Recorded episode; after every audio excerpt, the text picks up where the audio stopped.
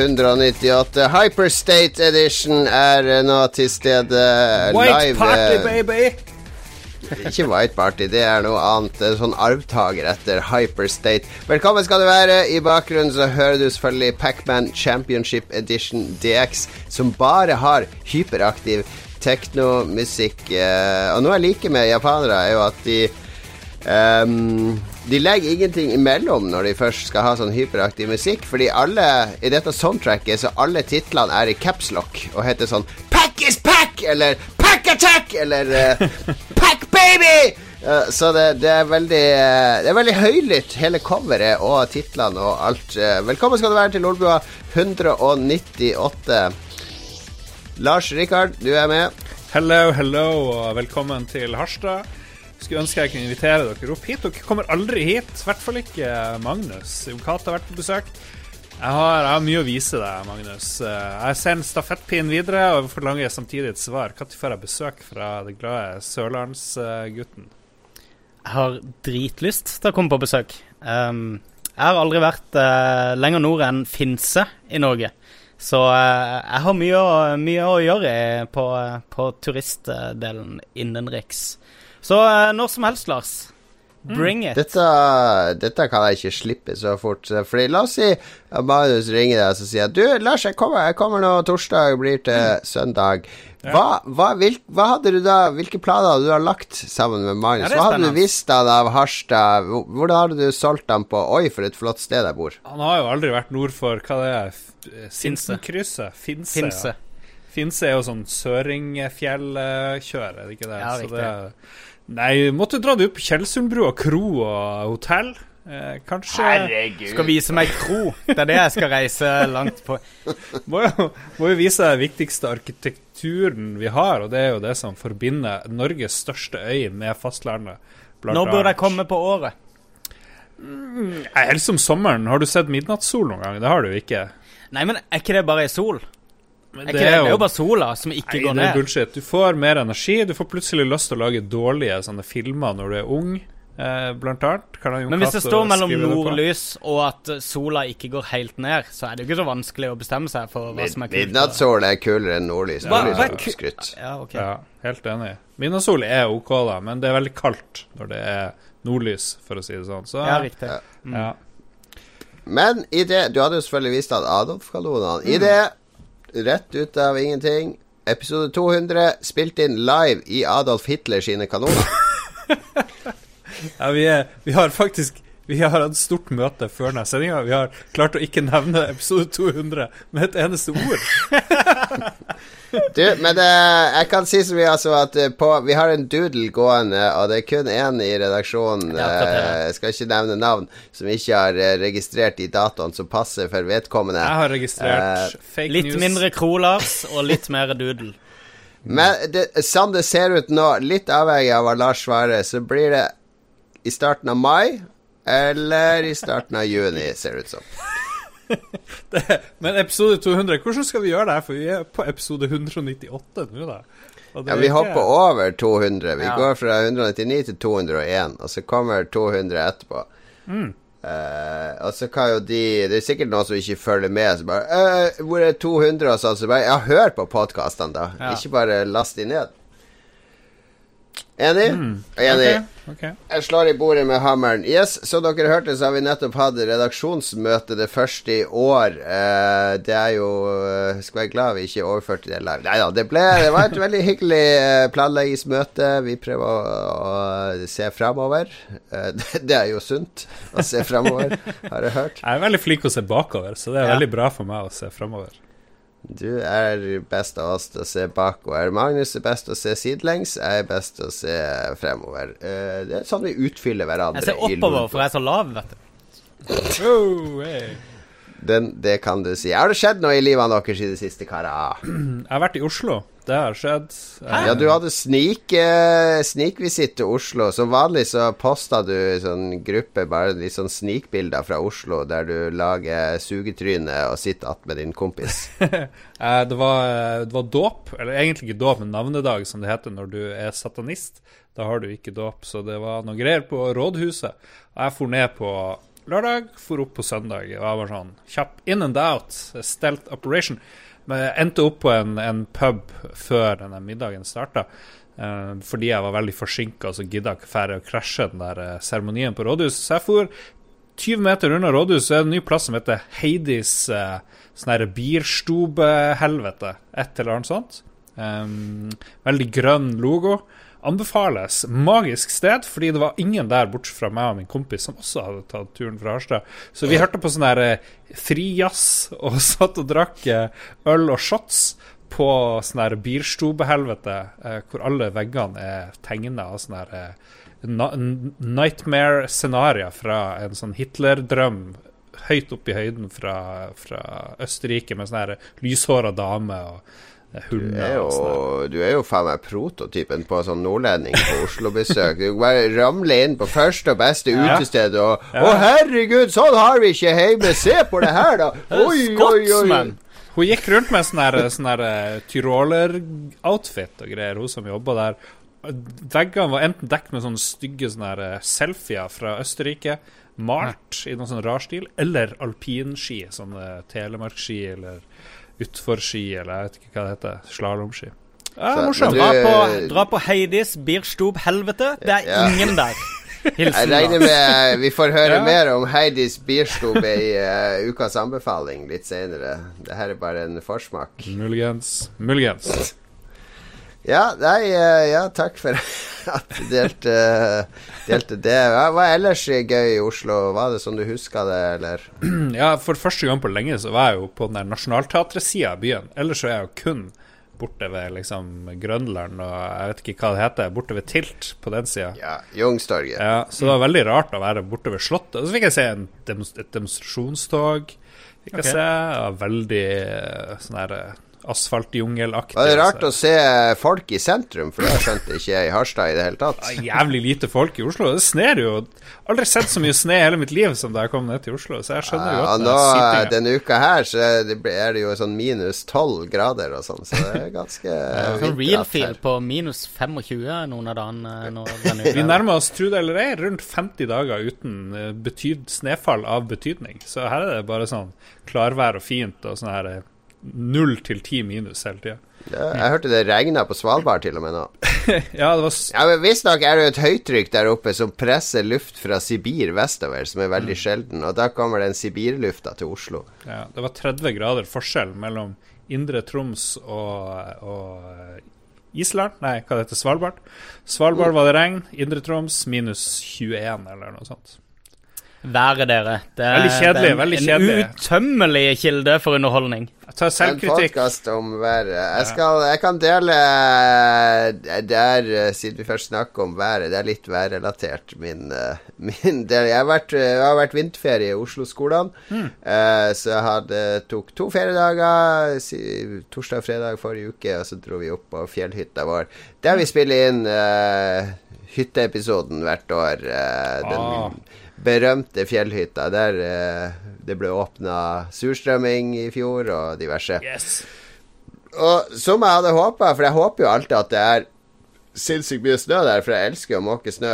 Det er kanskje det mest givende fysiske arbeidet jeg kan tenke meg, er å måke snø. Det er jo meningsløst. Eh, Hvorfor digger du å måke snø? Det er jo alt annet enn meningsløst. Det som er meningsløst, er jo å gå på en tredemølle, f.eks. Det er meningsløst. Eller å dyrke mat for fattige, eller eh, Nei, det er mening, men, men hvis, hvis det er en fysisk aktivitet der det primære målet er å bli svett og sliten og trene, forbrenne kalorier, så syns jeg måke snø er noe av Ja, det kuleste. Det er mye kulere enn å f.eks. hakke opp en åker for å plante frø. Fordi måke snø er Jeg har en veranda full av snø. Vi kan ikke bruke det til noe. Ikke kan vi grille der ute. Vi kommer ikke fram til stampen. Eh, så all den snøen må bort. Altså Når jeg måker i to timer, så er snøen borte. Det er et veldig tilfredsstillende resultat. All den snøen i den haugen der har jeg flytta manuelt. Men, eh, altså, sku, ja. ja. Nei, helt ufarlig er det jo ikke, Jon Cato. Eh, Jeg husker du, du brakk et ribbein tidligere i vinter.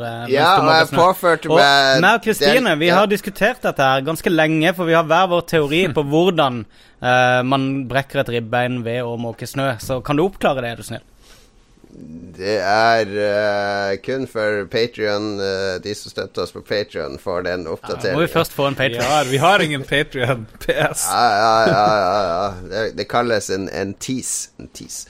Uh, Nei da, men eh, vi eh, jeg, jeg, kan- jeg orker ikke å utdype det, for jeg fikk en ny skade denne gangen. Jeg snakka om den forrige skaden før. Eh, fordi det var jo Det var sånn minus tolv på hytta, men det var sol når jeg skulle måke da.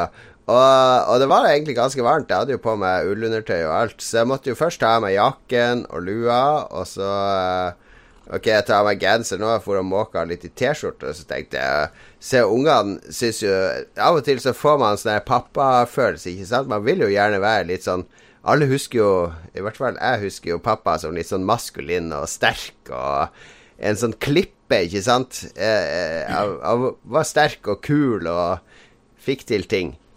Opp til en viss alder, men min pappa var jo ikke veldig fysisk, egentlig. Men- Nei, men når du var liten, så var det jo Ja, kjempe, ikke sant? Ja. Ja. Uh, og uh, så jeg kjørte like godt baris der, jeg, for jeg var jo, ble jo skikkelig svett. Så jeg kjørte baris i uh, februarsola oppå på fjellet der, måka snø i bar overkropp, og, og det syns jo ungene var helt fantastisk. Åh, for det var jo minus tolv ute, så uh, han eh, åtteåringen min, han Trym, han kom jo ut og skulle hjelpe til, og for å gro som en gal for å bli varm, han òg, så at han også kunne kle av seg. og det var veldig gøy. Men det dumme var jo at jeg hadde tatt av hanskene, så jeg fikk jo helt sånne sinnssyke eh, blemme og gnagsår på fingrene. Ja. Fordi eh, jeg brukte så mye krefter på den skuffa da. Jeg så du blør jo fremdeles. Ja, det ene såret her er åpent fortsatt, og det er litt uh, Det er kanskje bare meg, men, for jeg har hatt plaster på det i to dager. Og, og du vet når du har plaster på litt sånn åpent sår, så begynner det å lukte ganske godt. Eller er det bare meg? Du syns at puss, puss lukter godt?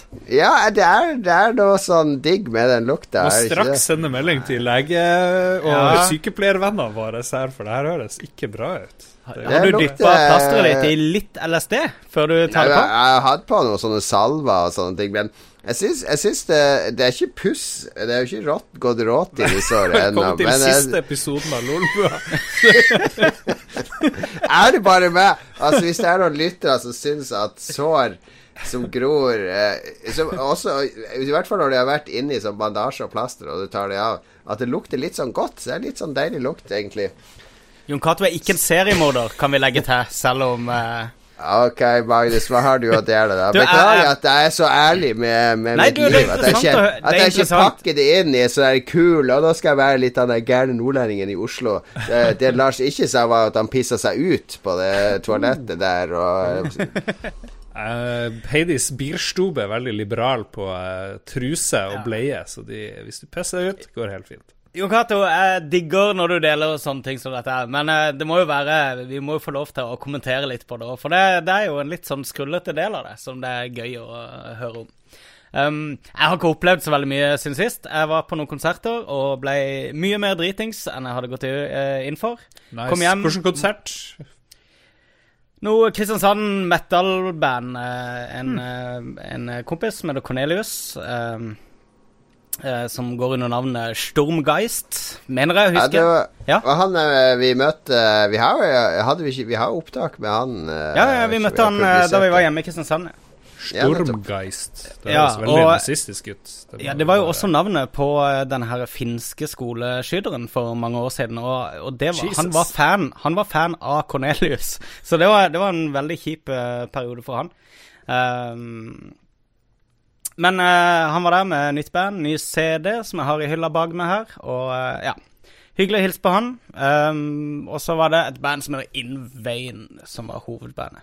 Så ble jeg så full, så våkna jeg hjemme, huska ingenting. Noen sår på kneet og på hånda, men nå er det jo veldig mye Åssen lukta de sånn? De lukta veldig digg.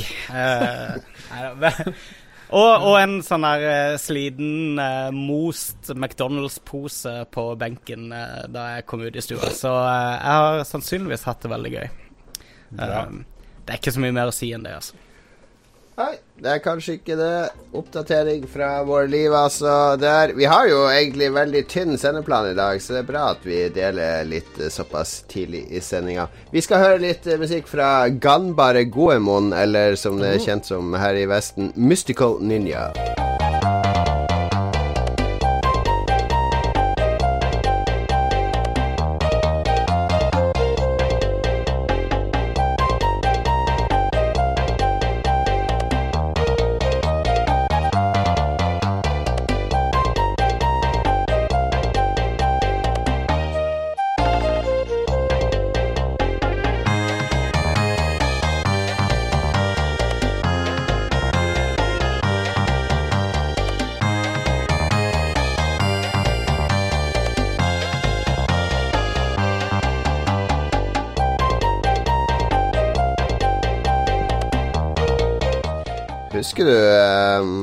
Mystical Ninja, Lars? Hvis jeg kun kunne spilt den på Nintendo 64, det var jo magisk. Det var dritbra spill. Det var sånn Ja. um, ekstra uh, Super Mario 64 slash uh, på Nukazue, egentlig, syns jeg. Hvis Ja. jeg husker rett. Litt spartant sparsommelig.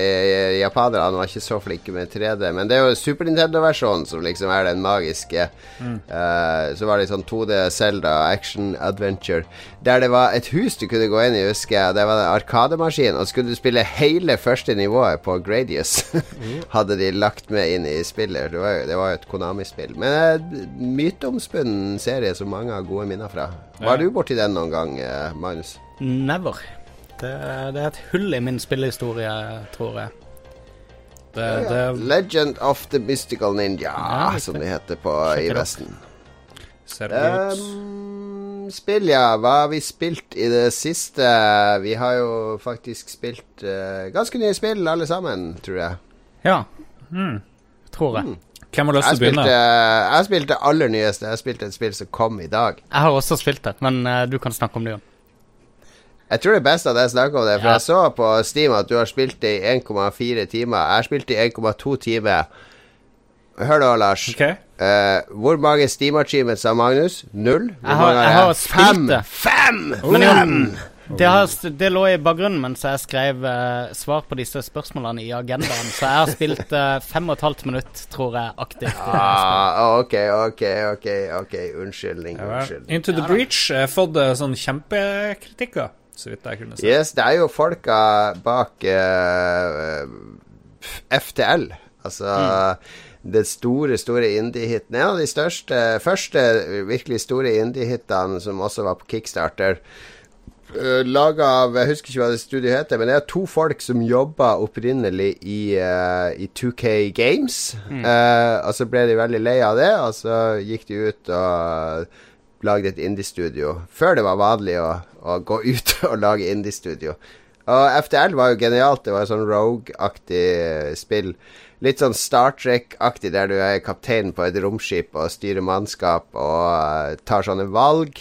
Uh, og dør du, så er det tilbake til start. Alt var jo Rogue, så hver, hvert spill var jo helt unikt. Men du kunne låse opp nytt mannskap og nye skip og sånn underveis. Rogue-aktig er et bra norsk ord for roguelike.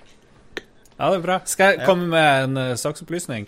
Uh, nettsida acronyms, uh, thefreedictionary.com, uh, mener at FTL står for For the Loss, For the Loose, Ferritin Lightchain eller For the Lulls. Jeg tenker at det stemmer ikke i det hele tatt.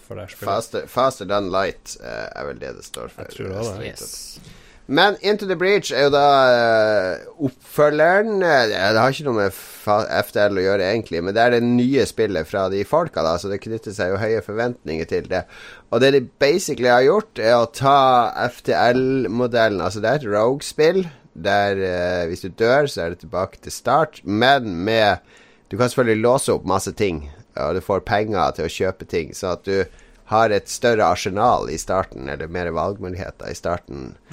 Eh, men du, i stedet for at du flyr et romskip, så har du her en, en uh, liten hær med tre sånne mekker. En tanks og en artilleritank og en uh, mekk, sånn her som kan slå. Så du starter med Og tre piloter. Og så skal disse lande på forskjellige øyer, da. Der det er sånne konfliktområder der det kommer opp sånne aliens fra jorda, og så skal de bekjempe de. Og så er det veldig Det minner litt om Advanced Wars, Yes, akkurat det det oppsettet der. Men hele greia er at du må eh, Det er mye mer manipulering av omgivelsene, fordi du vet hvor alienene kommer til å angripe, og du har en masse moves som du kan flytte alienene på. Du kan slå dem så at du flytter dem i en rute, altså du kan skyte artilleri så at alle alienene rundt der bomba treffer, blir dytta vekk. Og da kan du dytte alienene så at de angriper hverandre, f.eks., eller faller ut i vann, eller noe sånt. Så hver, hvert kampoppsett er liksom et sjakkbrett og en puzzle, der du må finne den optimale løsninga i forhold til hvordan du skal flytte dine styrker, hva slags angrep du vil bruke, og hvilke bygninger du vil beskytte, osv. Så, så det har ekstremt mye dybde til å være Jeg har spilt bare en time, men allerede sleit jeg med å, å logge av for å ha redaksjonsmøtet vårt, fordi jeg ble veldig, veldig hekta veldig, veldig fort. Og så fikk jeg låst opp eh, Fikk nok penger, jeg tok noen sånne achievements. Så jeg fikk låst opp en ny hær, da. Og det var helt andre styrker, da. Det var et bombefly som slipper røykbombe, og helt andre powers som gjør at du må spille på en helt annen måte.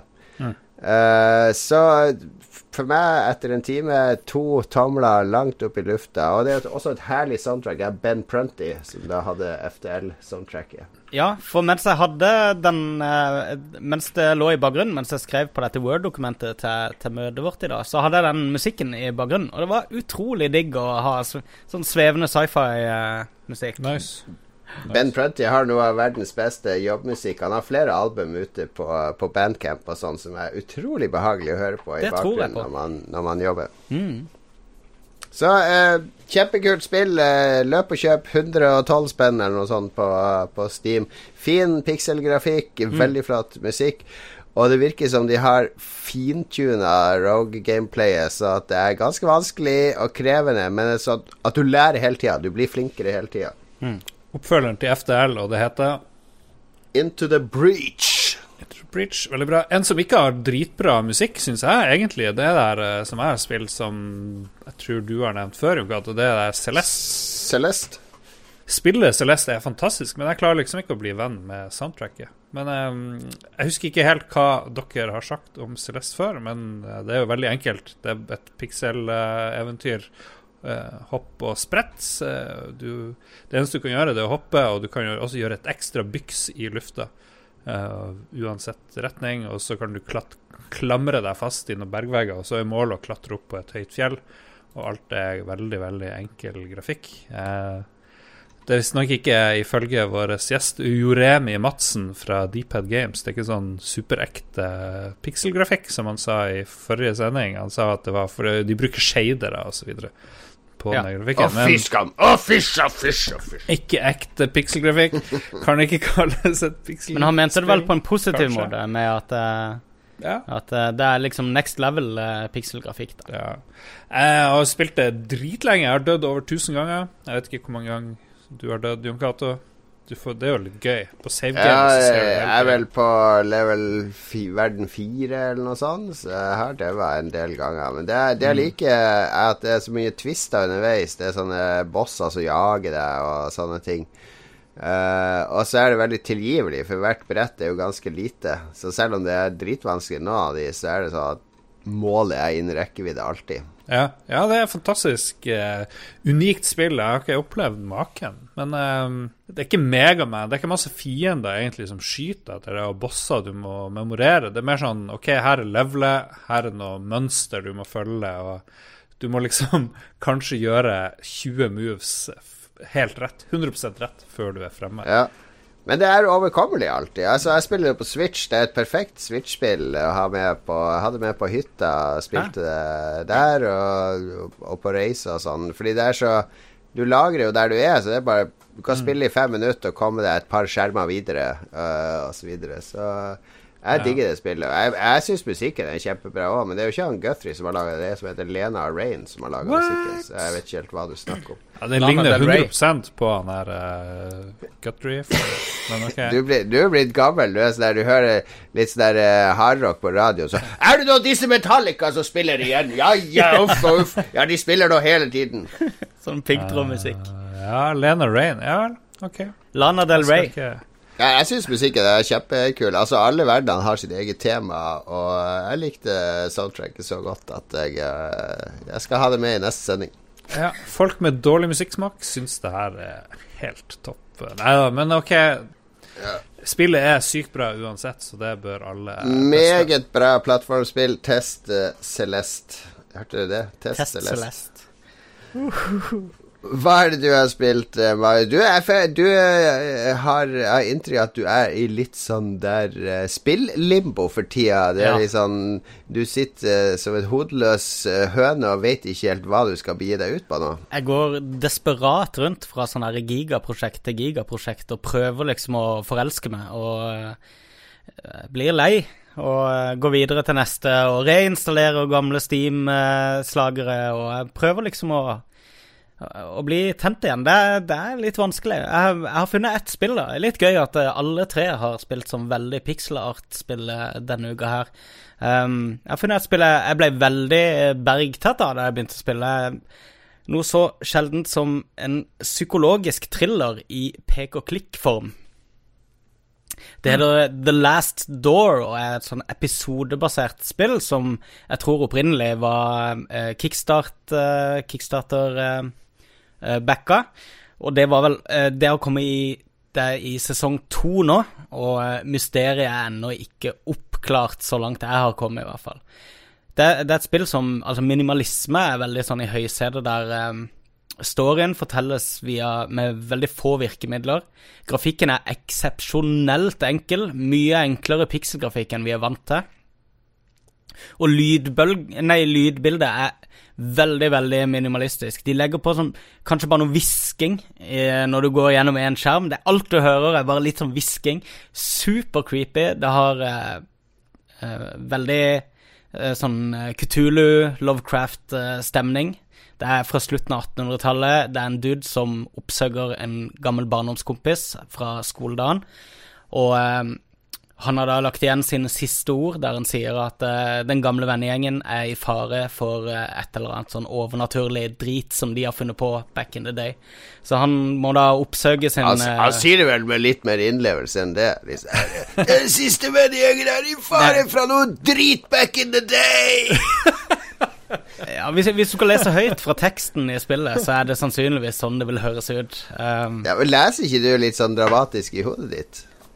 Jo, det, det kommer litt an på. Jeg, jeg syns noen ganger har det en verdi at det bare er tekst. Sånn som Monkey Island-spillerne. I det, de Ja. første Monkey Island-spillerne, idet de satte stemmer på, så hadde jeg bare lyst til å Ødelegg klore mye. med ørene Ødelegg mine. mye. Ser den. Ja, ja. Og det er litt sånn her òg. De, det, er så- det er så mesterlig balansert med virkemidlene de bruker hele veien. Eh, det, eh, som sagt, de bruker så få virkemidler, men akkurat det som er essensielt for liksom, å drive historien videre. Og relativt enkle puzzles, men det holder flyten gående. Og enormt varierte miljøer. Utrolig gjennomtenkte sånn farveschemes de bruker gjennom alt. Det er utrolig pent å se på. Fin, fin musikk og um, utrolig sånn uhyggelig til tider. Og flere ganger så fikk jeg skikkelig den følelsen av sånn kaldt nedover ryggen, skummelt. Uh, som, som jeg egentlig bare har fått fra sånne her uh, høybudsjetts trippel A-grøssere tidligere. Så The Last Door uh, De, eh, Jim Morrison er mye med, og, og soundtracket til The Doors er vel veldig viktig. Sånn som jeg har forstått. Ja, men det er kun The Last Door som er med her. The Last Door, altså ukas anbefaling fra vår venn Magnus eh, Tellefsen. Hvis han går god for et eventyrspill, så vet du at det er bra. Det er kanskje ikke rent eventyr, det er førsteperson Nei, det er rent peg og klikk Ja, adventure-spill. er det. det. Ja, ja, ja. Det ble mye vanskeligere sesong to, faktisk. Så, og grafikken ble bedre. Så. Kult, kult. Vi skal roe ned med musikk fra et av spillene vi snakka om. Her kommer nemlig Ben Prunty sjøl med 'Into the Breach'. Uh, 'Open a Breach' heter denne låten. Fra 'Into the Breach'.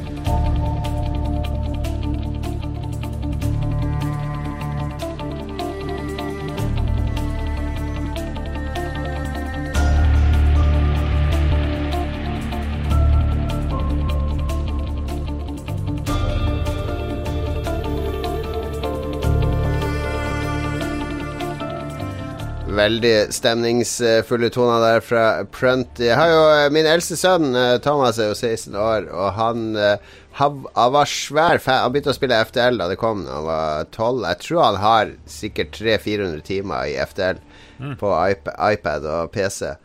Så jeg fortalte han i dag at Into the Breach var kommet, nye spillet fra FTL-skaperne, og som alle 16-åringer sier til sin far sånn Åh, ok. Så, og så sier jeg «Er det, altså, jeg spiste middag i dag, jeg har vært på fotballtrening med yngstemann, og så er jeg bare Hvis du tar uh, rydder bordet, tar oppvasken og rydder alt, så skal jeg gifte det til deg på Steam. Så tror, tror du det var spotless da jeg kom hjem da, eller? Yes, det var det. Så da ble det en Steam-gift i tillegg til mitt eget kjøp. Veldig, veldig bra. Dad of the Year. Eh, ukas anbefaling uh, skal vi ta for oss nå, og uh, da Her er det mye Her se, øh, Jeg vet ikke hvor jeg skal begynne her. Lars, kanskje du skal begynne? Ja, jeg skal for en gangs skyld ikke anbefale noe random i stua mi, selv om jeg har opplevd det i stua mi. Det er nemlig nye Egentlig en HBO-dokumentar, men den er nå på Netflix i Norge, i hvert fall. Og den heter The Final Year. Og jeg kan jo først eh, bare ta en sånn sjekk. Hvor godt kjenner dere meg? Hva er min favorittpolitiske eh, TV-serie? West Wing. Ja, det er West Wing, og det her handler selvfølgelig om eh, Obama og siste året. Um, Obama var i Det hvite hus. The Final Year er en sånn insider-greie hvor de følger eh, Hva det heter Ambassadøren til FN, som er veldig idealistisk.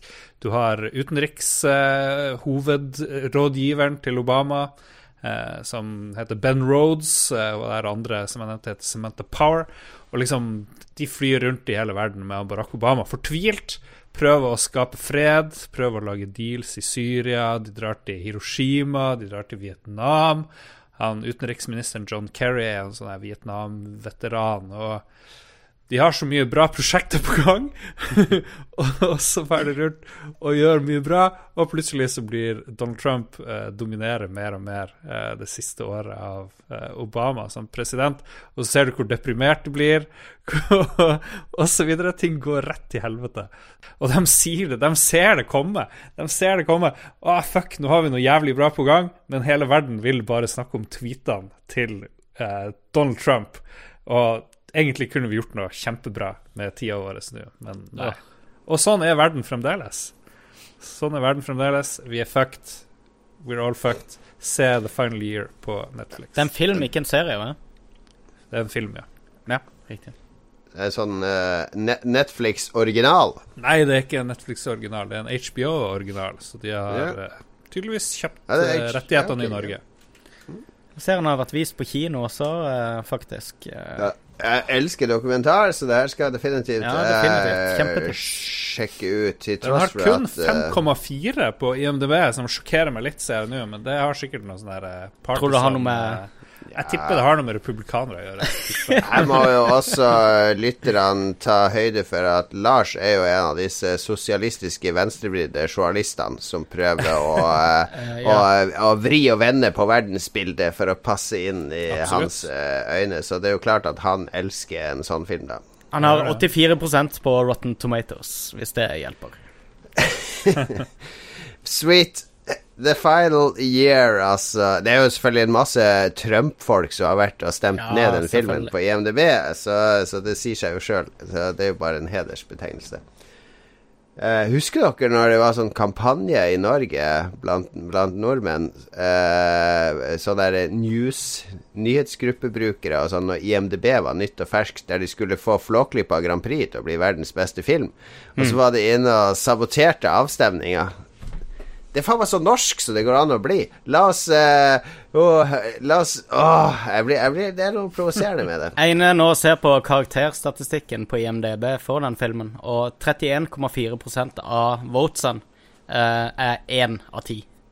Så eh, det pleier jo å være en god indikasjon på eh, Men, At, eh, eh, men det det er der eh, Flåklypa Grand Prix skulle på topp på IMDb. Klarte de ikke det? Var ikke det Jo, de klarte det, og så måtte de jo endre algoritmene, fordi hvis det kommer en million stemmer fra et land, så skal Det blir, blir jo bare tull. Det er jo også Melodi Grand Prix, der Hellas aldri kan gi poeng til Kypros og motsatt osv. Der er det masse politisk stemning, alle østblokklandene hjelper hverandre opp og fram. Det blir bare tull!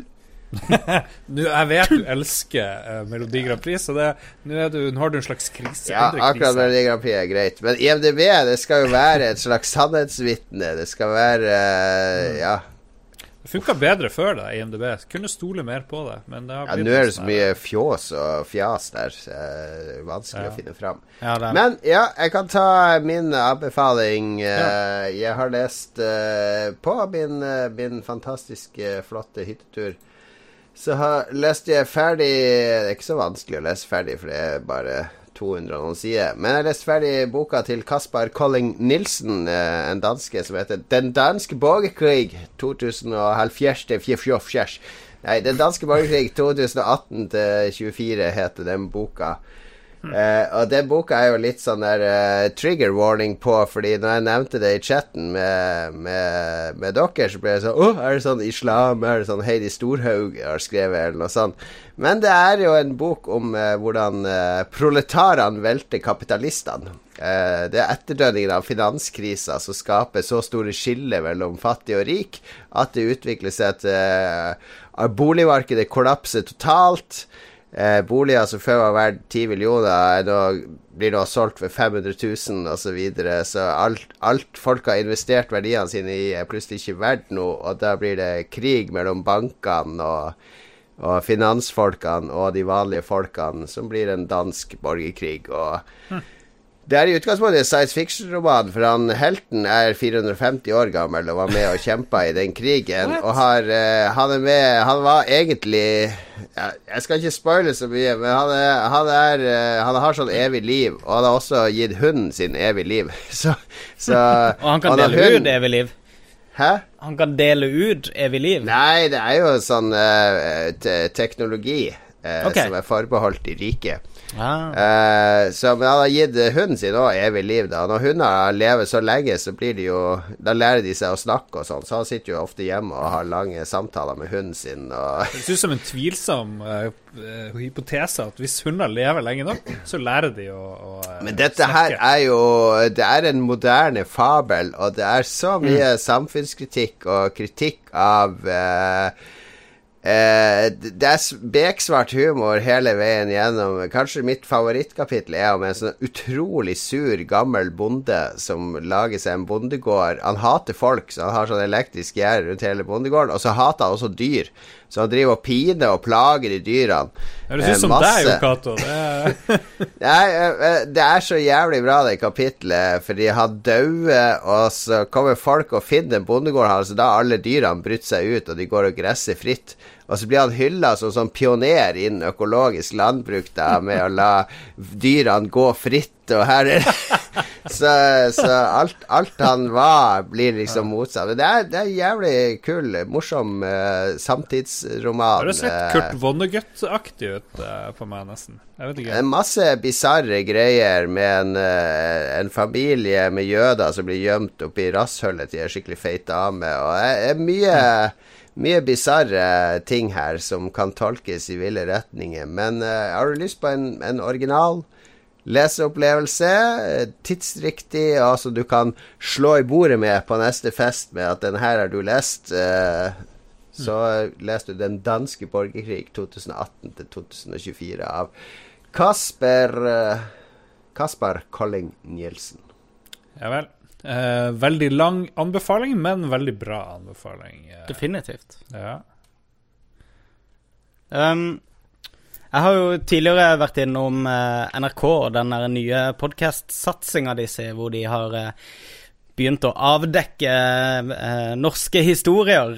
hvor de går tilbake i tid og går i, grundig gjennom store nyhetssaker som har skjedd opp gjennom tiden. Mm. nå, nå har de starta enda en sånn podkast som heter To hvite menn. Som handler Rasistisk. om eh, Rasistisk. Veldig rasistisk. Um, Men den handler om eh, French og Moland. Uh. Kanskje en av de største nyhetssakene de siste 20 årene i Norge, i norsk presse. Eh, der eh, der eh, Joshua French Er det vel? Det er han som er i live nå, er det ikke det? Jeg glemmer alltid hvem som er Jeg måtte ta en runde på desken på jobben i dag på Ja. Harstad Tidende, fordi jeg la ut eh, den saka der om, som kanskje du skal nevne nå, hvor det kom en, en liten bombe, følte jeg, fra den podkasten. Jeg tenkte ikke jeg skulle røpe noe bomber i det hele tatt. Jeg tenkte jeg skulle oppfordre folk til å sjekke ut podkasten. men det er i hvert fall en veldig åpenhjertig uh, French Ja, det er French.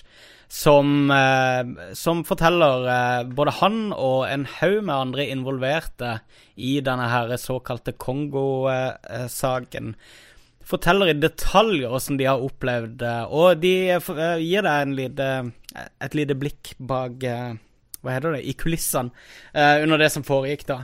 Um, det skal være en podcast-serie, så det kommer en haug med episoder fremover. Um, ja. Ok, Men Et- det må jo gå an å si at det kommer noe sjokkerende news om, som ingen vet om, og som Ja. kanskje er veldig vanskelig å tro på. da. Jeg tror jo at her dikter vi opp ting. Ja, men det er det som selv. gjør det så vakkert, da. Eh, for dette her er jo igjen presentert eh, NRK klarer liksom ikke la være med å havne i det der uh, serial-hakket. Jeg skjønner ikke at det bare er én måte å lage sånn eh, real crime-journalistikk. At du må spille den der musikken, og at du må snakke det stemmeleiet. Og, jeg jeg syns det er fjollete. Det, det må gå an å gjøre det på flere måter, og det syns jeg NRK burde være voksen har, har du ikke fått beskjed om at du skal lede vår nye true crime-avdeling og lage sånne Seriøst, ja, men det aller første jeg hadde gjort hvis jeg skulle Hvis jeg skulle lage en sånn true crime-serie, er å spørre meg sjøl hvordan kan jeg endre på dette formatet for ikke å høres ut som absolutt alle de andre. Men eh, NRK har valgt å gå i motsatt retning og følge strømmen. Men innholdet, da, det journalistiske arbeidet er ganske tight hele veien. Det, det er enorme mengder med informasjon, og eh, de har verifisert det over hele fjøla, og eh, ja. Men har de for eksempel, har de for eksempel verifisert at eh, Joshua French og Kjostolv Moland var agenter på jobb i Kongo? Nei, De verifiserer jo selvfølgelig ikke alle utsagnene, men de overlater jo selvfølgelig lytteren til å vurdere hvorvidt eh, alle snakker sant. Men, men det de eh, frem, fremstiller av fakta, det eh, slår meg i hvert fall som veldig gjennomarbeida og, og ja, som solid journalistisk arbeid. Jeg har inn- inntrykk av at du betaler din lisens med glede, Magnus. Jeg har ingenting problem med å betale lisens. Jeg syns okay. NRK er flotte Hvis vi, skulle, hvis vi skulle lage en true crime, hva, hvilken sak skulle vi uh, tatt da? Ville det blitt uh, den største, det største saken Det blir andre verdenskrig. Det blir ikke Hva heter det? Breivik, for eksempel? Det er jo Nei, det er ikke vittig. Nei, vi kan ikke gå Det er ikke der, vittig. da, Nei. Guds skyld. OK. Men, liksom eh, Må min, fra Harstad. Du kan lage true crime om han, uh, om han uh, Basse som uh, drev og skjøt uh, ute på Åsegarden, og han som ha hakka av seg Basse? hånda. Å ja, ja, ja Han det var han, hogde av seg handa, visstnok, fordi den høyrehånda fordi den hadde gjort så mye jævelskap i livet hans. Det er jo. Evil Dead, er det ikke det? Ja. Vi kan jo ha en okay. sånn true crime-episode om hvor det egentlig ble av Lars da han forsvant fra oss uh, etter episode 100 i eh, et par timer. Ja.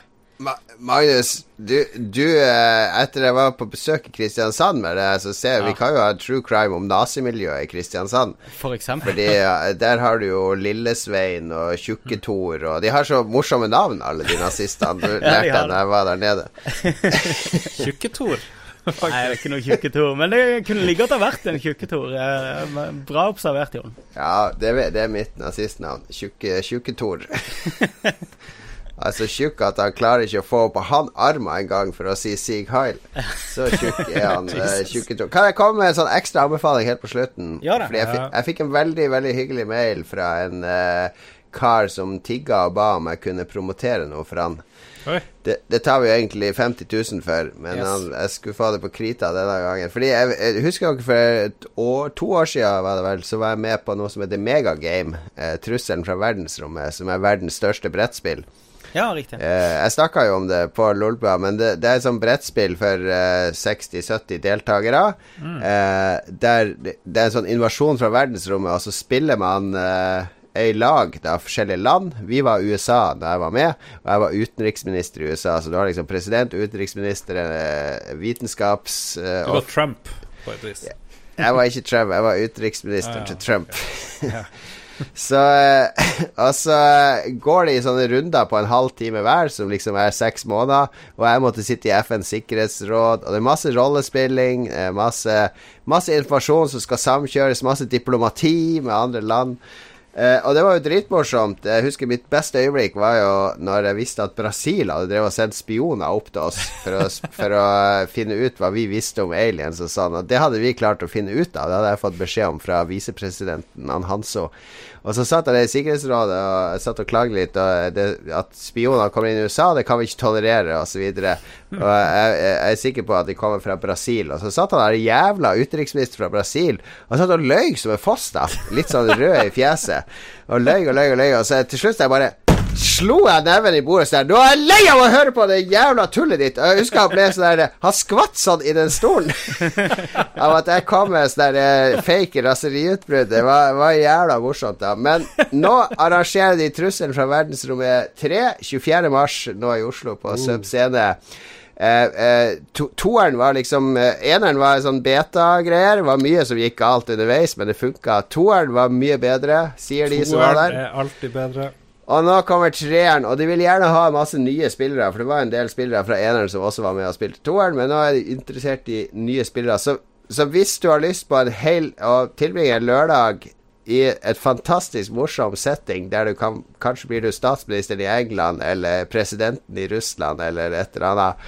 Og uh, møte masse morsomme folk, så meld deg på Megagame Trusselen fra verdensrommet 3. Jeg skal legge ut link på eh, selveste Lolbua, fordi jeg syns det er et bra tiltak. Alt Ja, det her blir jo drevet frivillig. Det er ikke noe profitt eller noe, noe sånne greier. Kjempeanbefaling, syns jeg. Absolutt. right. Absolutt. Vi burde jo overføre det her live, jeg vet ikke. Men hvis det er 100 mennesker med på 17 bord, så er det kanskje umulig. Det kan, det kan by på problemer. Men vi kunne kjørt sånn her eh, minutt for minutt. Vi, vi kan foreslå det for NRK, faktisk. Vi kan gjøre det.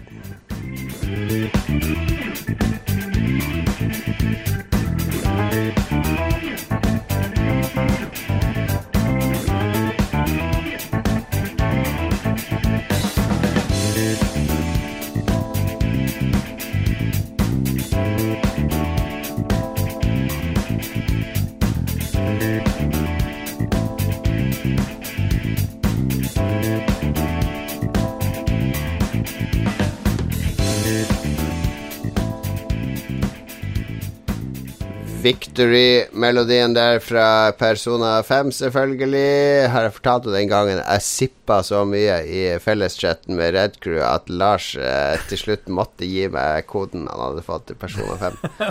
Jeg har ikke fått reimbursa det i det hele tatt. Evig takknemlig for det. Jeg skal gifte deg into the breach etterpå. Det får eh, være en takk. Det høres bra ut.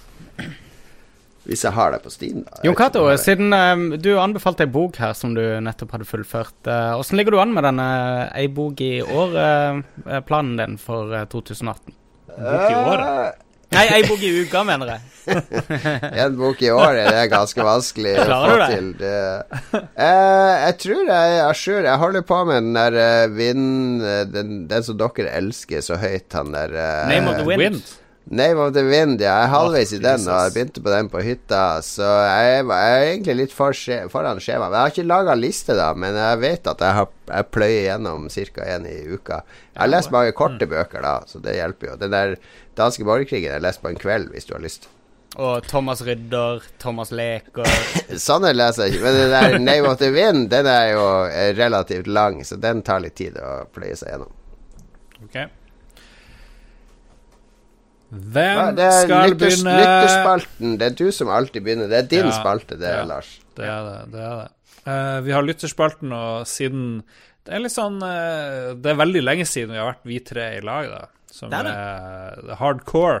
Selv om Mats har egla seg inn på oss, uh, PC Master Race Mats, og flere andre hjelpere. Men vi tenkte siden vi var vi tre, nesten første gang siden 2017, kanskje andre gang, tror jeg, siden 2017. Så da var det åpen spalte. Fyr på, gi oss deres eh, utfordrende spørsmål, og da er guard firing eller firing on all cylinders. Jeg tror det er Gard. Gard, sier vi på norsk. Ja. Hvorfor kan ingen lage ferdig spill lenger? Jeg er så møkk lei Early Access. Og jeg tenker, Jon Cato, du som er Mr. Spillindustri her, eh, blant annet. Mm.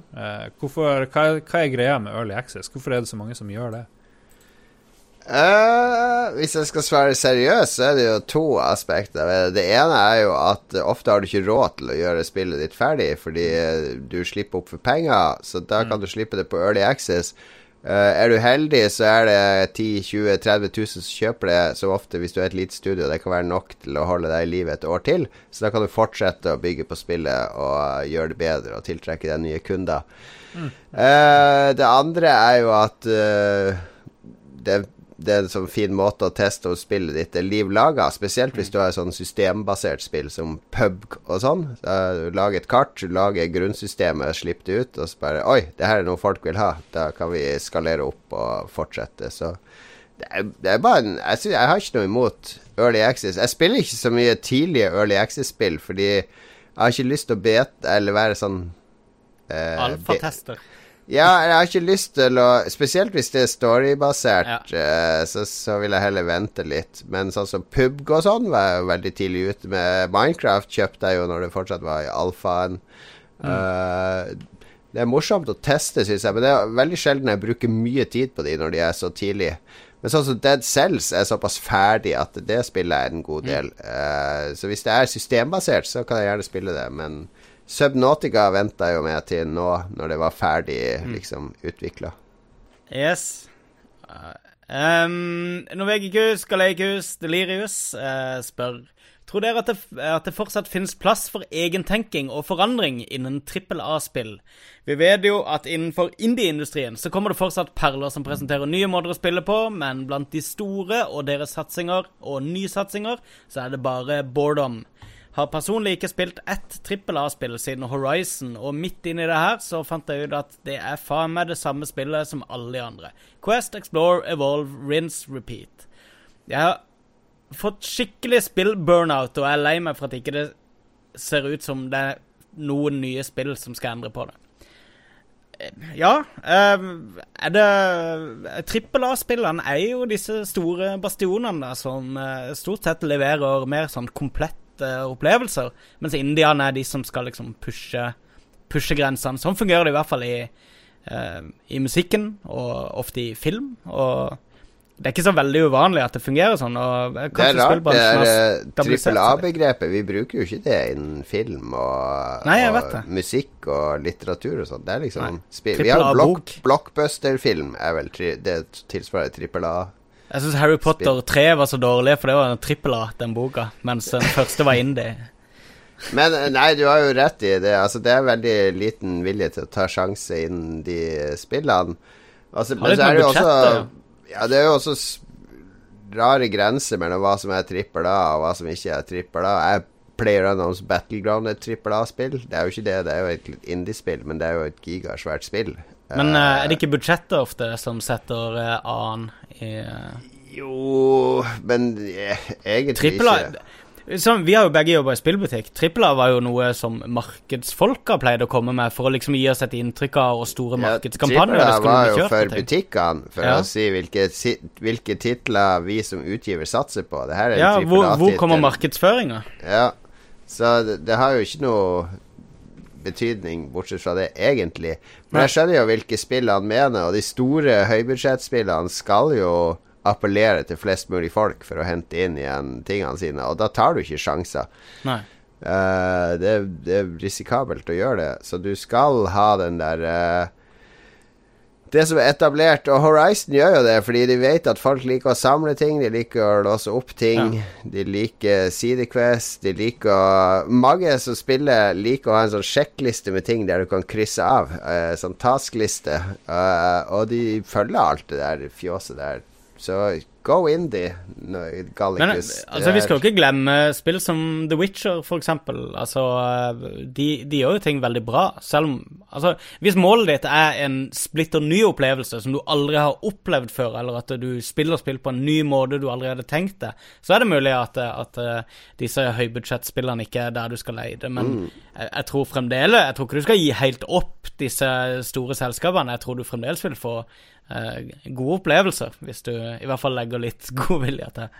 Og så, eh, hvis du hater japanske spill, så kan du jo styre unna, men hvis ikke, så det skjer mye spennende i Japan, og de har liksom catcha opp med resten av verden etter å ha vært bakpå lenge, så du, det er mye spennende.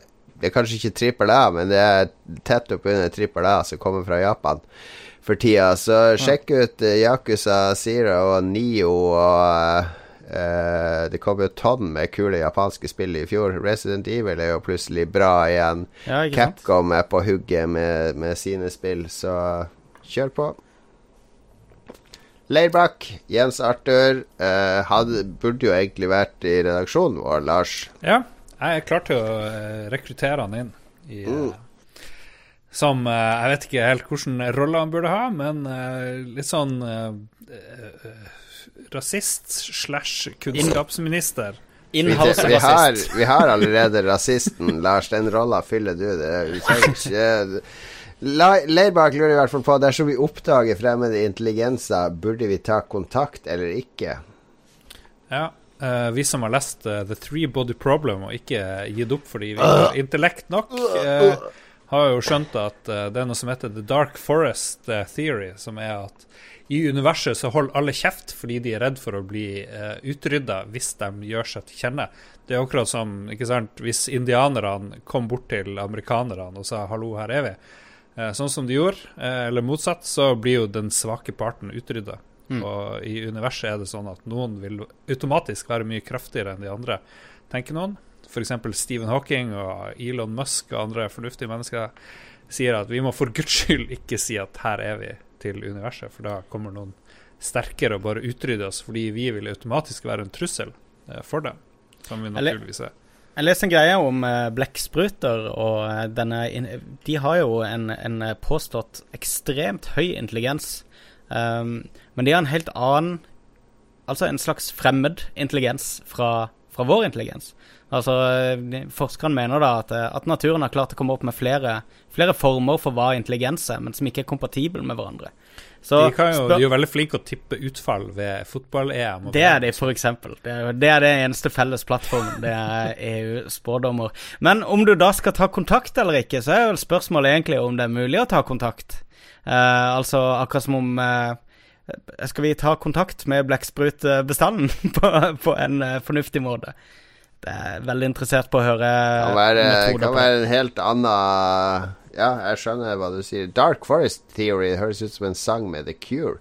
Eh, Christopher Getterboys Hansen Leistad. Hvorfor er det så vanskelig å overtale pedagogiske ledere om at spill fint kan fungere som et læringsbrett i skolen, på lik linje med annen populærkultur? Merk som lærer selv har jeg brukt spillundervisningen flere ganger, bl.a. med Gone Home i engelsk, og jeg har ikke annet enn gode erfaringer både i form av tilbakemeldinger og resultater. Ja, Ja. nei uh... Vi har snakka om det før. Det er fordi ja, det, det trenger et generasjonsskifte av de pedagogiske lederne. Så om 10-15-20 år så er det du, Kristoffer uh, Leistad, som er den pedagogiske lederen. Kanskje i fylket ditt. Og da er det du skal legge føringer og tilrettelegge for å bruke spill. Så det kommer. Det kommer. Bare få ut uh, gamlingene først. Trond Sinfor Borgersen spør uh, hvis vi skulle lage et spill basert på hendelser og norsk historie, som f.eks. Slaget på Stiklestad, Tungtvannekspedisjonen og eh, Er det ikke Aksjonen? Tungtvannaksjonen. Uh, og uh, plutselig kommer det inn her et lite spørsmål. Hvorfor heter det ikke Oslo Hvorfor heter det ikke Oslo Kristiania lenger? Eller hvorfor Astrid S fikk Spellemannsprisen i år? Eh, hvilken tid ville dere satt spillet i, og hva hadde det handla om? Jeg kan jo, eh, Jon Cato, Wow. du sjekka jo nettopp opp dette med Oslo. Altså, Det heter jo Oslo før Kristiania. Så kom Christian Kvart fra Danmark og oppkalte byen etter seg. Og så, Oppslo. Oppslo. Men ja, Oslo, ja. nettopp. Noe? Gamlebyen, den bydelen jeg bor i, den heter Oppslo. Som jeg syns vi vi skal ta Oppslo tilbake. Ja. Det er noe bullshit. Men eh, jeg syns det er en god idé å hente tilbake sånn Sturla, Sturla Saga, eksempel. Det er, det er mye gameplay-vennlig å hente der, tror jeg. Trenger ikke være sånn Assassin's Creed, sånn her eh, fuckings historiebok uh, tegna med linjal. Det, det kan eh, jeg, jeg tror det er mye norsk historie vi kan uh, finne finne Jeg håper noen lager spill om fornorskingstida, da alle samene plutselig fikk automatisk abonnement på Alders og Det Norske Ukebladet, eller hva det enn det heter, osv. Det tror jeg En- kunne vært interessant. en bladabonnementssimulator. Og så skulle du lage spill på det ja, det, der, Lars. Det blir jo, det blir jo sånn her eh, walking simulator, selvfølgelig. Det blir sånn Ja, hit- riktig. hus i Kautokeino med mye, mye sånne eh, låste dører, du må komme deg inn. Etc. Rein, ja. rein eh, problematikk. Ren problematikk, ja. Det, det, er, jeg, kan- det jeg kan tenke ut ti gameplay-veier det går an å gå med. Jeg, lik, jeg liker at Trond Sinfor bare sleikte inn sånn her Astrid S fikk Spellemannsprisen. Ja. Sånn her griljaspørsmål. Men OK, vi tar neste. Bjarte Nei, ja, vi har jo ikke, vi har ikke valgt. Vi må jo velge en epoke. hva Jeg har valgt. lage. Du har valgt uh, gent, eller norskifiseringen av samene. Og kvenene, om jeg må be. Uh, Ingen som bryr Jeg, seg. jeg har et annet forslag òg, til fet tid å hente fra. ja.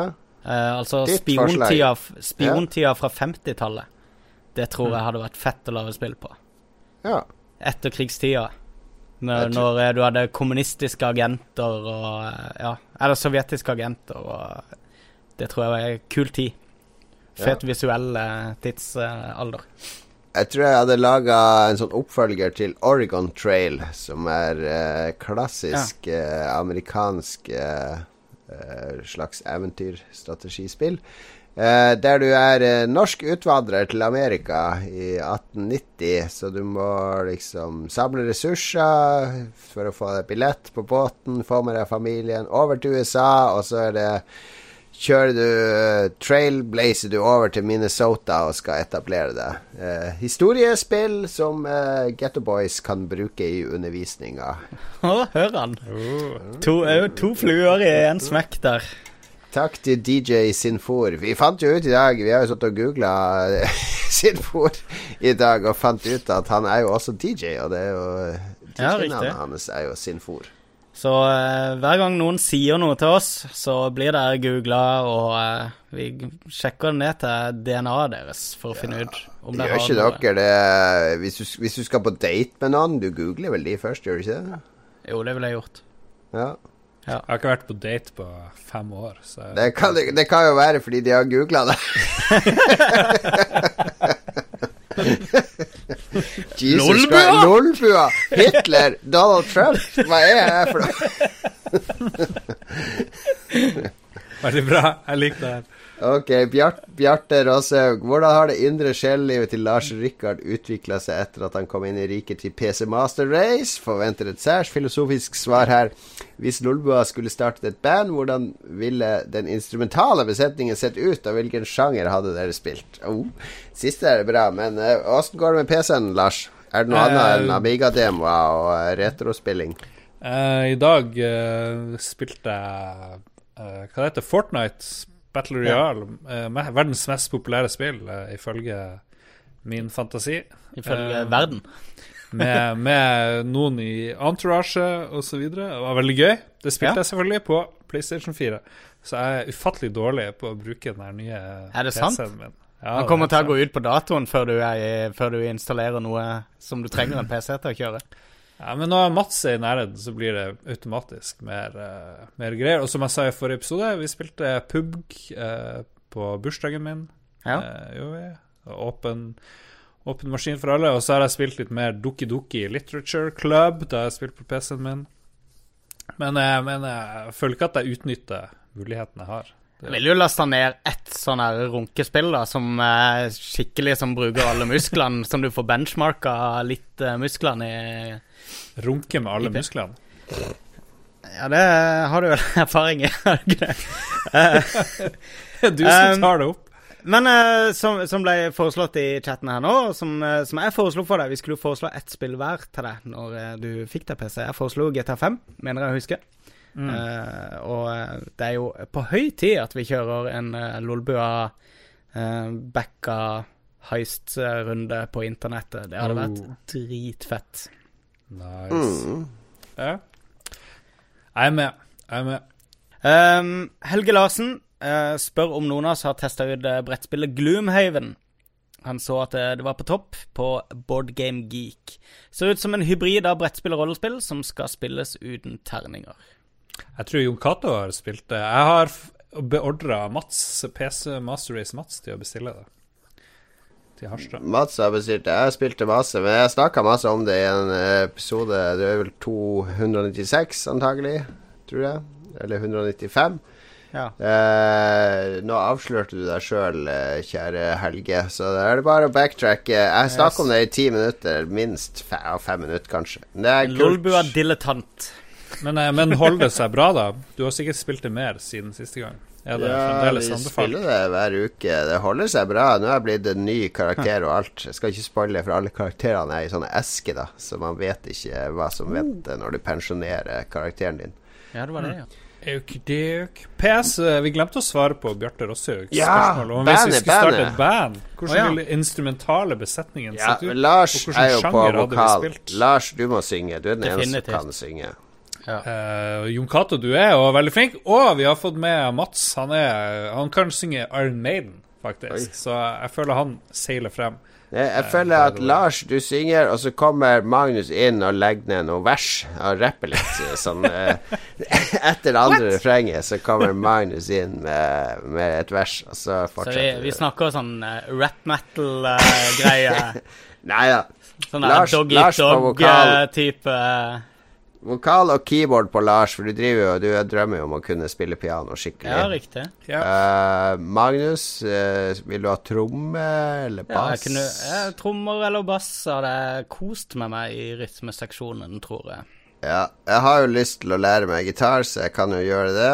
Jeg kan uh, bitte litt, men ikke nok til å spille i band.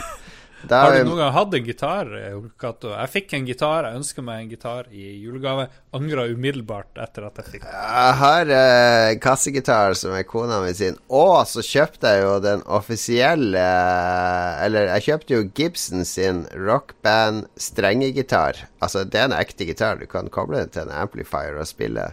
Men du, du har også en sånn rockband-tilkobling for å spille gitar pro-modus. Ok, Eh, så jeg har en eh, gitar, det har jeg. Gratulerer. Da har vi Mats på bass, da. Eh, Magnus Eide Sandstad, kan dere diskutere hvorfor deres eiere har langt dårligere lydkvalitet sammenlignet med dere? Men nå føler jeg at Magnus avslører seg sjøl. Han har ikke hørt på de forrige episodene, for det har vært litt sånn her halvskittig. Ja, det har Ja. Men vi, vi kan jo godt eh, dele uh, trikset som gjør at vi stort sett har veldig god lydkvalitet i, i Lolbua, da. Ja, hvis folk Eh, har lyst til å lage en, eh, En egen podcast. podkast. Ja, så har vi en veldig god idé. Vi, eh, vi snakker sammen live over eh, Ja, nå er det jo Google Hangouts nå for tida. Eh, Tidligere har vi jo brukt Skype og, og andre eh, chatprogrammer. Men samtidig så har vi lokale programmer som tar opp stemmene våre lokalt. Så tar vi de tre filene, eh, hvis vi er tre personer, og liner de opp i et, eh, et lydprogram og smekker de sammen. Og så har vi eh, samme lyd som vi ville hatt om vi satt i samme rom og spilte inn. Og Det er også derfor, eh, for de som følger med oss live, at vi har sånn telling ofte i starten, der vi Ja. sitter og teller sammen til ti. Fordi han som klipper sammen, han kan da legge alle, alle sin telling oppå hverandre, og da er liksom lyden synkronisert. Så det er ikke så mye ekstra jobb. Og i tillegg da så tar vi også all musikk live, så da Det gir litt mer press på oss, for vi prøver liksom å holde nede klippinga til et minimum, og så må vi performe hele tida. Men uh, nå er det mye intern Nå har vi ikke hatt eh, musikk på en time, tror jeg. Det ligger en sak klar her. Vi skal bare bli ferdig med alt det maset fra lytterne først. Verdens lengste sending, det her. tror jeg. Kom igjen, da. Kjenner du presset, Jon? Kjør på. Neste. Skal vi se Tom Wilhelm Ødegaard eh, vil at vi skal diskutere hvorfor Zelda har vært kjedelig siden Ocarina of Time. Så det var jo et bra av... Et, et, eh, et kort spørsmål. Jeg er jo helt uenig med det. Um, jeg syns uh, Jeg syns Zelda har vært uh, veldig bra i nyere tid. Ocarina of Time var et kjempespill, men eh, er, det, er det en, en Men hvilket spill har enighet om vært akkurat det? Hvordan spill har vært etter Ocarina of Time? Det var jo Majora's Mask etter det, og så Mhm. kom Windwaker. Eller Windwaker, Ja. Twilight Princess kom etter det. Og så kom det en haug med kule Gameboy og DS-spill. Ja, eh, Minish Cap og disse her var kjempekule. Um, ting, gjeld, Tell de her Tingle-spillene. Det kom i hvert fall ett. Nei, de teller ikke. Det er ikke Zelda. Nei, det teller ikke. Men eh, mitt sånn favorittspill før Breath of the Wild kom, det var, eh, det var Wind Waker. Jeg syns det var det mest sånn konseptuelle, deilige spillet å spille. Jeg ble bare glad av å spille det. Jeg elsker det universet. Så må vi huske på at Tom Wilhelm er jo hardcore Sonic-fan, så Ja, det?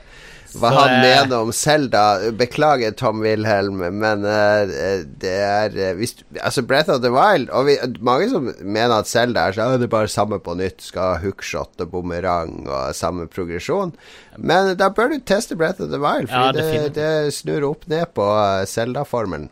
Det er mange som er sinte for den der holdbarheten på våpen i, i Breath of the Wild. Jeg syns det er en fin måte å la deg få lov til å gå hvor du vil i verden, men ikke sånn at du kan liksom bare hamstre opp superkraftige våpen og så gå til en, en svak del av verden og bare uh, overkjøre alt. Det er en måte å balansere det på uh, organisk. Øystein Reinertsen har et dilemma til oss. Eh, tar vi på sokkene først, og så buksa, eller buksa først, og så sokkene? Det er jo ikke et dilemma engang. Det er bukser først. Det er, tar du på deg sokker først? Ja, jeg tar jo aldri på meg sokker etter at jeg har tatt på meg buksa. Er du helt fjern? Hvilken planet er du fra? Hvorfor gjør du det? Det første jeg gjør, er å finne ei bukse, dra den på, så går jeg barbeint ut på dass og pisser. Hvis jeg etter at ok, ok, men la oss nå i den virkelige verden, hvor det er virkelig viktig å ta på seg klær i riktig rekkefølge, er jo i Nord-Norge, hvor du tar på deg eh, langbukse eller underbukse. Ja, ikke sant, sånn stillongs. Stillongsen, ja. Og, og det er mye lettere å ta på seg stillongsen først, og så sokkene, for da kan du drage sokkene over. Jo, men er stillongs er ikke bukse. Det, jeg tar selvfølgelig på meg stillongs før sokker, for da skal jeg dra de over. Men sokkene skal under buksa, så det er jo ingen poeng i å ta på seg buksa først, og så må du drive og dytte sokkene opp inn i buksebeinet. Åssen kan du dytte sokker oppover? Fordi jeg har alltid. Jeg har sokker som går langt oppover leggen. Jeg liker store, store, luftige sokker, og de skal sitte langt oppå leggen. Jeg kan Men ikke ha på meg bukse først, og jeg går ikke med slengbukse eller hiphop-bukse eller hva, hva du liker. Jeg gjør ikke det i det hele tatt. Eh, Har men dere sett, har dere sett eh, pod, nei, eh, TV-serien nye på Netflix til han David Letterman? Han har sånn her ja. lengste sokke som går sånn her sinnssykt langt opp fordi han har ganske korte bukser. Og jeg tror han har en sånn her ram, remme rundt leggen Ja, sokkholder, som han fester sokkene i. Og ja, det er en sånn gammel ting. Ja, ja, Er det noe dere har vært borti? Sånn Det er jo en sånn greie mellom bokseren og uh, som amerikanere brukte. Med sånn ja. Det er en slags sånn buksesele for, uh, for, uh, for sokkene. Utrolig rar idé. Um, Altså, rekkefølgen for min påkledning. Rekkefølgen for min påkledning er truse, T-skjorte, sokker, bukse, genser. Sånn er En det. gang, en gang til, beklager. Truse, T-skjorte, sokker, bukse, genser. OK, min. Underbukser. Ikke truser. Det er, det er noe damer bruker. Underbukser. uh, bukser. Sokker. T-skjorte. Genser. Så du går Du kler altså fullt på deg under før du begynner på overkroppen. Du sprader litt rundt gå, i baris og bukse. Ja, ja. Full juggaloo-style på badet før du tar på deg en T-skjorte. men Jon Cato, det, det er kanskje fire meter å gå fra badet inn på soverommet mitt, der jeg har eh, klærne mine. Jeg, Ja, ja, det, jeg bare, det er ingen det- ekspedisjon vi diskuterer her. Ja, det er jo Det er to paradokser på en gang. her. Først skal du dytte sokkene opp i Det er ingen dytting Og så har du T-skjorta hengende utpå buksa, da? Ja, jeg, har ikke T-skjorta inni buksa. Ja, det har jeg. Så da må jeg ha på T-skjorta før jeg tar på buksa. Hva med etter sex? Det er jo en egen sjanger, føler jeg. For da, da er du plutselig uten uh, truse, men med T-skjorte. Men vi er begge faste forhold, så vi kommer oss ikke ut av huset etter å ha hatt sex, uh, Lars. Det her er fem år siden, Lars. Husker du noe av det her? minnesvakt at jeg har hatt sex en gang i tida. Det var noe klær og noe greier. Ja. Det var veldig bra spørsmål, eh, Øystein. Ja, ja, ja. Her ble det engasjement. Jeg har ikke fått vite åssen rekkefølge Lars har. Når du ikke Nei, har det stillongs på sommeren. Uh, på sommeren? Nei, da, da er det Det er jo selvfølgelig uh, Hva du kalte det, Magnus? Underbukse? Jeg Ja. kaller det bokser eller truse. Det, Ja, riktig. det, og så er det T-skjorta, og så er det ingen som bryr seg etter det. Da er det liksom Da har det ikke noe å si, Nei. Spør du meg. Men er det noen av dere som sover med sokker på? Nei, nei. Du Jeg skal har en sove greie jeg naken. har, Nummer én, du skal sove naken. Det er- jeg, jeg har en oppfatning om at øh, Og jeg lurer på om noen bekrefter det en gang. At øh, du blir tett i nesa hvis du har på deg sokker når du sover. Jeg tror ikke det stemmer. Jeg, jeg, jeg skal ikke bekrefte Altså, men øh, jeg bare husker det fra jeg var liten. At noen sa det. At du ble tett i nesa når du har på deg sokker. Jeg tror Jeg- jeg, jeg hørte på, på podkasten Krisemøte. Begge de to liker å ha på seg sånn skikkelig raggsokker når de Det er jo sover. galskap. Du bruker jo Altså, føttene er jo det du bruker for å liksom balansere eh, temperaturen. Hvis du blir for varm, så er det bare å ta en fot utenfor eh, dyna. Ut i den kalde lufta, så blir du nedkjølt. Ja, det er sånn søringopplegg. Jeg vet ikke helt hvor du bor, men eh, ja. Jeg vet ikke hvor mange grader det er i Harstad nå, men det er ganske kaldt i Oslo for øyeblikket. Ok, ok, er ok, ok vi må bli ferdige her. Øystein har ett spørsmål til. Hvem hadde vunnet en slåsskamp mellom Solid Snake og Batman? Det er ingen av de som fins, så det kan, går ikke an å ha en slåsskamp. Øystein. Du må vel- du må leve deg litt inn i, i dilemmaet eh. Nå er jeg lei. Jeg er lei. Vi må bli ferdig. Philip. Vi avslutter med Philip, vår gode venn Philip. Han er jo nesten et æresmedlem i, i podkasten vår. Philip Fløgstad, snakk om hvor kult det er at Oslo Met arrangerer HOTS-turneringer, og hvor attraktiv casteren deres er. Hva er Oslo Met? Nei, ikke, ikke spør om det. Nå blir vi sittende her. Ok, Magnus. Nei, jeg, jeg skal ikke si noe mer enn at uh, Oslo Met er et, eh, et eh, dustete nytt navn på et eh, Oslo universitet. Det er Oslo byuniversitet som Ja. har beslutta at de skal hete Oslo Met. Eh, Universitet? Hva er Ja. det for noe? Det fantes Nei, nei. ikke da jeg var på universitetet i Oslo. Nei, det er noen, noen tidligere skoler som har slått seg sammen, og som nå skal ha et hippere navn. Mm, Det er Høgskolen Og de skal tydeligvis arrangere Heroes of the Storm-turneringer. Det er kult, da. I- Ja, helt topp. Universitetet skal ha er. Heroes of the Storm-turneringer. Jeg aner ikke hvor attraktiv casteren er, men jeg regner med det er Philip som skal være caster, så Ja. eh, Jeg vil si midt på treet. Philip er, jo, uh, Philip er jo den peneste av alle hots-castere, det vil jeg påstå. Ja, det er det jeg sier. Seks av ti. Han er en lekker mann. Hvorfor har vi ikke hatt han på besøk? Det er lenge siden vi har hatt han. Han må i hvert fall komme på episode 200 når en gang det blir. Som kameramann igjen. Jeg er en utvida rolle. Vi skal ha mer, mer Philip i, i, I monitor, monitor. takk. Vi er ferdig for i dag. Eh, Det ble en sending uten mål og mening, men det er hyggelig at vi alle tre endelig tok oss tid til å være samla igjen. Det blir oss tre neste uke òg, det satser jeg på. Vi eh, kan pause litt med gjester nå. Jeg skal til GDC snart. Kanskje jeg kan snakke litt om det neste uke. Våre planer der. Eh, Ellers, noe å melde? Nei, jeg syns det har vært en knakende sending. Jeg har sånn her fem ølbokser tom her, og jeg frykter det jeg vil høre når jeg skal klippe den her greia her. Det har gått veldig fint, eh, Jeg beklager. Jeg Eh, håper ikke mamma har hørt på denne sendinga. For det første. Jeg tror det har gått eh, fint. Du kan selvfølgelig følge oss på Facebook. Lolbua finner du der. Du kan Vi har en nettside, lolbua.no. Eh, Twitter, Lolbua. Uh, vi har et entourage, Lolbua Entourage. Der er alle våre mest hardcore lyttere. Det er der du kan kommunisere enklest med oss, for der er Lars inne hele tida, og meg og Magnus når vi kan. Uh, vi er selvfølgelig på den nye Vero-appen.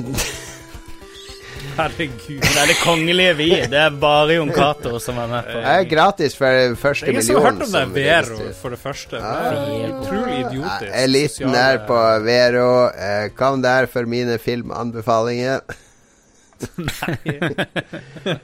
Oi, da var sangen ferdig. Shit. Da må vi jo eh, må sette på en ny sang eh, fort. Tror du er flere som har drukket? Hva du har drukket, Jon Cato? jeg har drukket én øl og en Cola Zero. Oi, oi. Det er all okay. den aspartamen som har gjort det med det. Jeg tror det var det. Vi slutter med til ære for Philip, som hadde eh, siste spørsmål i vår podkast. Slutter vi selvfølgelig med litt Final Fantasy-musikk. Eh, vi har fått et eh, brassorkester til å spille en medley over airship-musikk i Final Fantasy. Kos dere! Vi ses neste uke. Er det bra?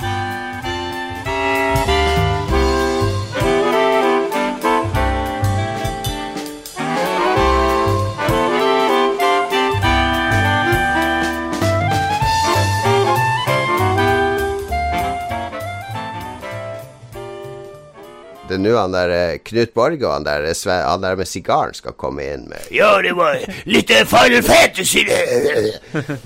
Husker du det der jazzprogrammet deres? Ja, ja. Ja, det var fint, det.